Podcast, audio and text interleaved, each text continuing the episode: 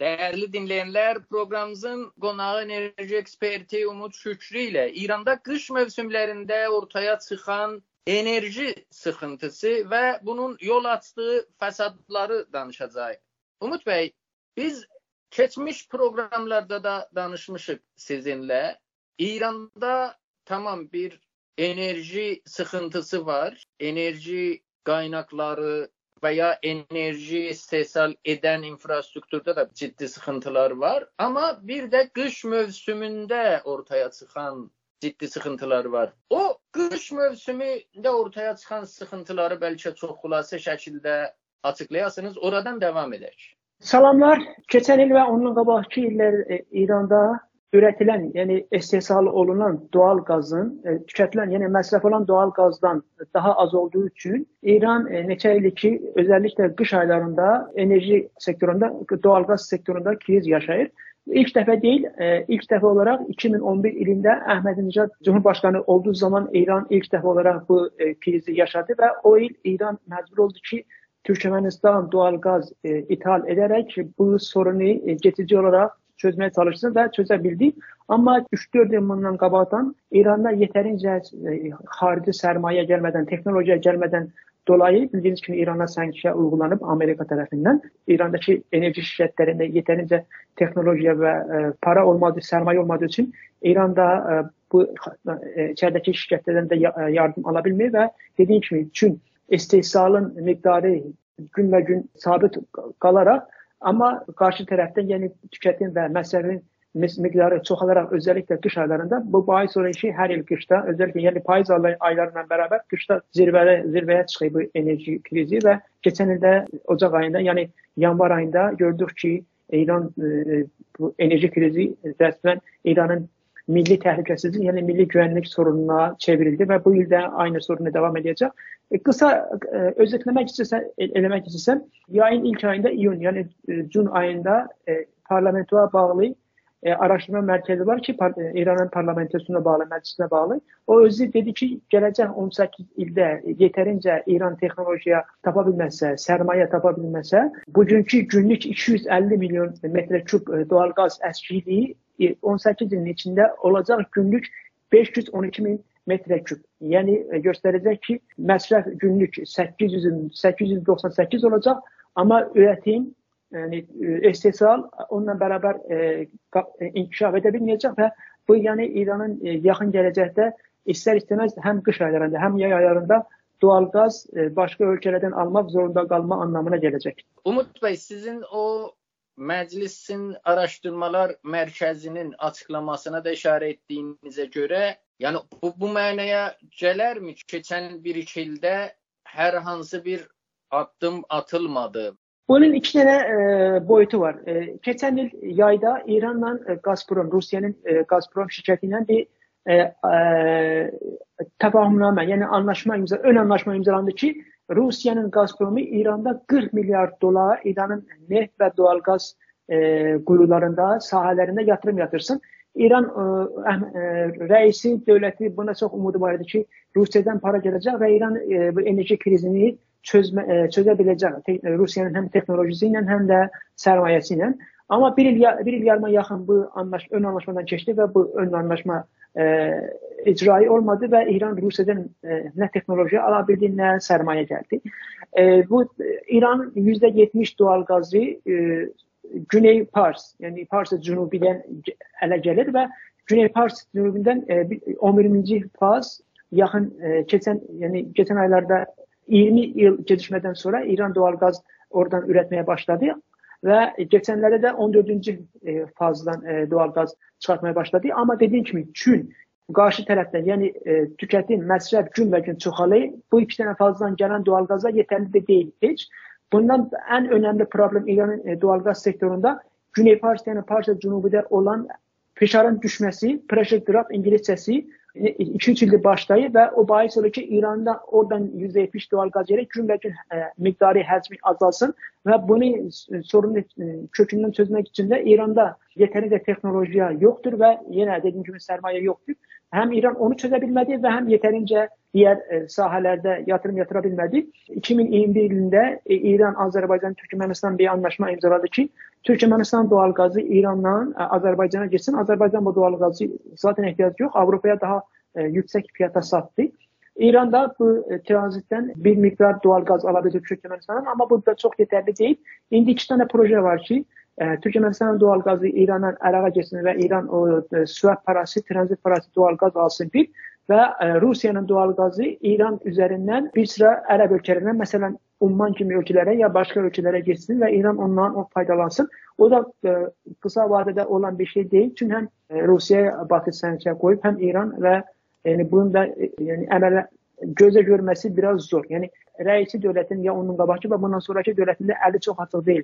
İranda bu enerji krizini yaxın vadədə çözmək üçün əllərində yetərincə ə, e, imkanat yoxdur və ə, e, dediyim kimi gələcək illərdə hə, parlamento özü işarə, elədi. Parlamentoya bağlı ar araşdırma və tədqiqat mərkəzi e, ədədlə istatistiklə göstərdi ki, ə, İranın enerji sektoru, özəlliklə doğalqaz sektoru İran gələcəkdə ən böyük ə, güvənlik və ə, təhlükə ə, milli açıdan təhlükə ilə İranın təhlükəsi olacaq. Yəni sanksiyalardan daha çox enerji alanında İran böyük-böyük krizlərlə üzbəyüzdür və dediyim kimi heç dövlətin istər bu dövlət yenidən seçilsin, istər seçilməsin, gələcək dövlətdə yeni anlaşma Bakı ilə imzalanmasa, Amerika ilə bu nüvə məsələsi çözülməsə və yeni anlaşma imzalanmasa ki, bildiyiniz kimi gələn il il noyabr ayında prezident seçimləri vardı Amerikada və bu 11 e, ayın içində də Amerika ilə anlaşma məncə çox zor görünür.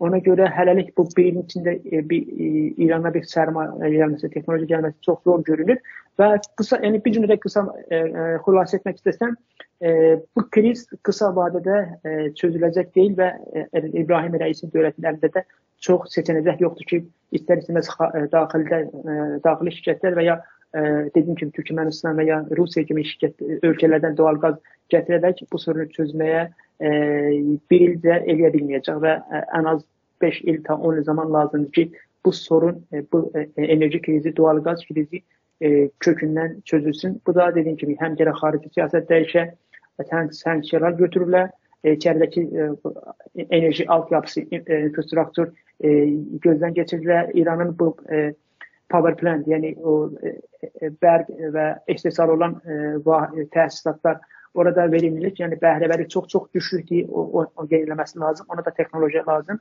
Yəni İranın xarici siyasəti dəyişmədən İranın enerji sorunları bu, bu, bu qısa zamanda və rahat çözüləcək deyil. Umut bəy, böhranın deyirsiniz qısa müddətdə çözülməsi mümkün deyil. Bir də bəzi daha kiçik şəhərlər sənayeləşməmiş və ya hətta keçmiş illərdə İranda gözəl havası ilə məşhur olan şəhərlərdə də biz çox ciddi hava kirliliyi görürük. Havanın bəzən həssas e, qruplara, bəzən də elə bütün qruplara e, sağlıqsız, təhlükəli olduğu açıqlanır. Urmiyədə məsələn Ərdəbildə biz elə hər qiş bu məsələni görürük. Rəsmi açıqlamalar da elə bu yöndədir, amma bölgə insanından soruşanda durumun daha da ciddi olduğunu deyirlər. Bu, bu elə sizin o işarə elədiyiniz o daha makro böhranın bir parçasıdırmı yoksa buna daha kısa müddette eğer isteseler bir çözüm yolu tapabilirler mi? Ne deyirsiniz?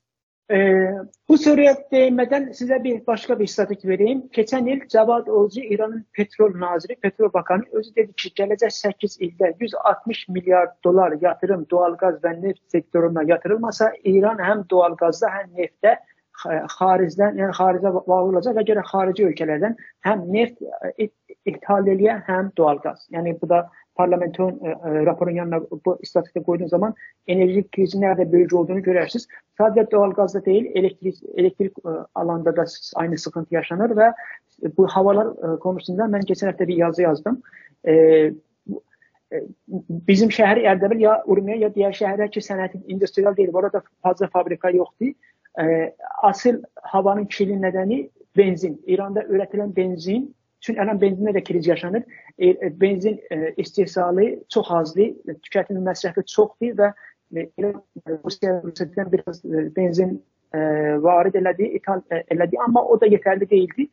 Ona görə petrokimya təsisatlarında ürədilən benzin Avropa standartları ilə, Avropa dünya standartları ilə uyğun deyil və ona görə də oktanı yüksək olduğu üçün daha çox e, arabalarda kullandığınız zaman daha çox e, havanı kirlədir və Ərdəbil kimi digər şəhərlər kimi ya Urmiya şəhərlər kimi ki orada fazla fabrika yoxdur, e, dövlət e, nə Pəhləvi zamanı, nə Cumhur İslami orada düzgün yatırım yatırmayıbdı, sərmayə qoymayıbdı, düzgün bir İsfahan kimi, Zorbahan kimi e, fabrikalar yoxdur. Orada arabalar e, bais olur ki, havalar kirlənsin.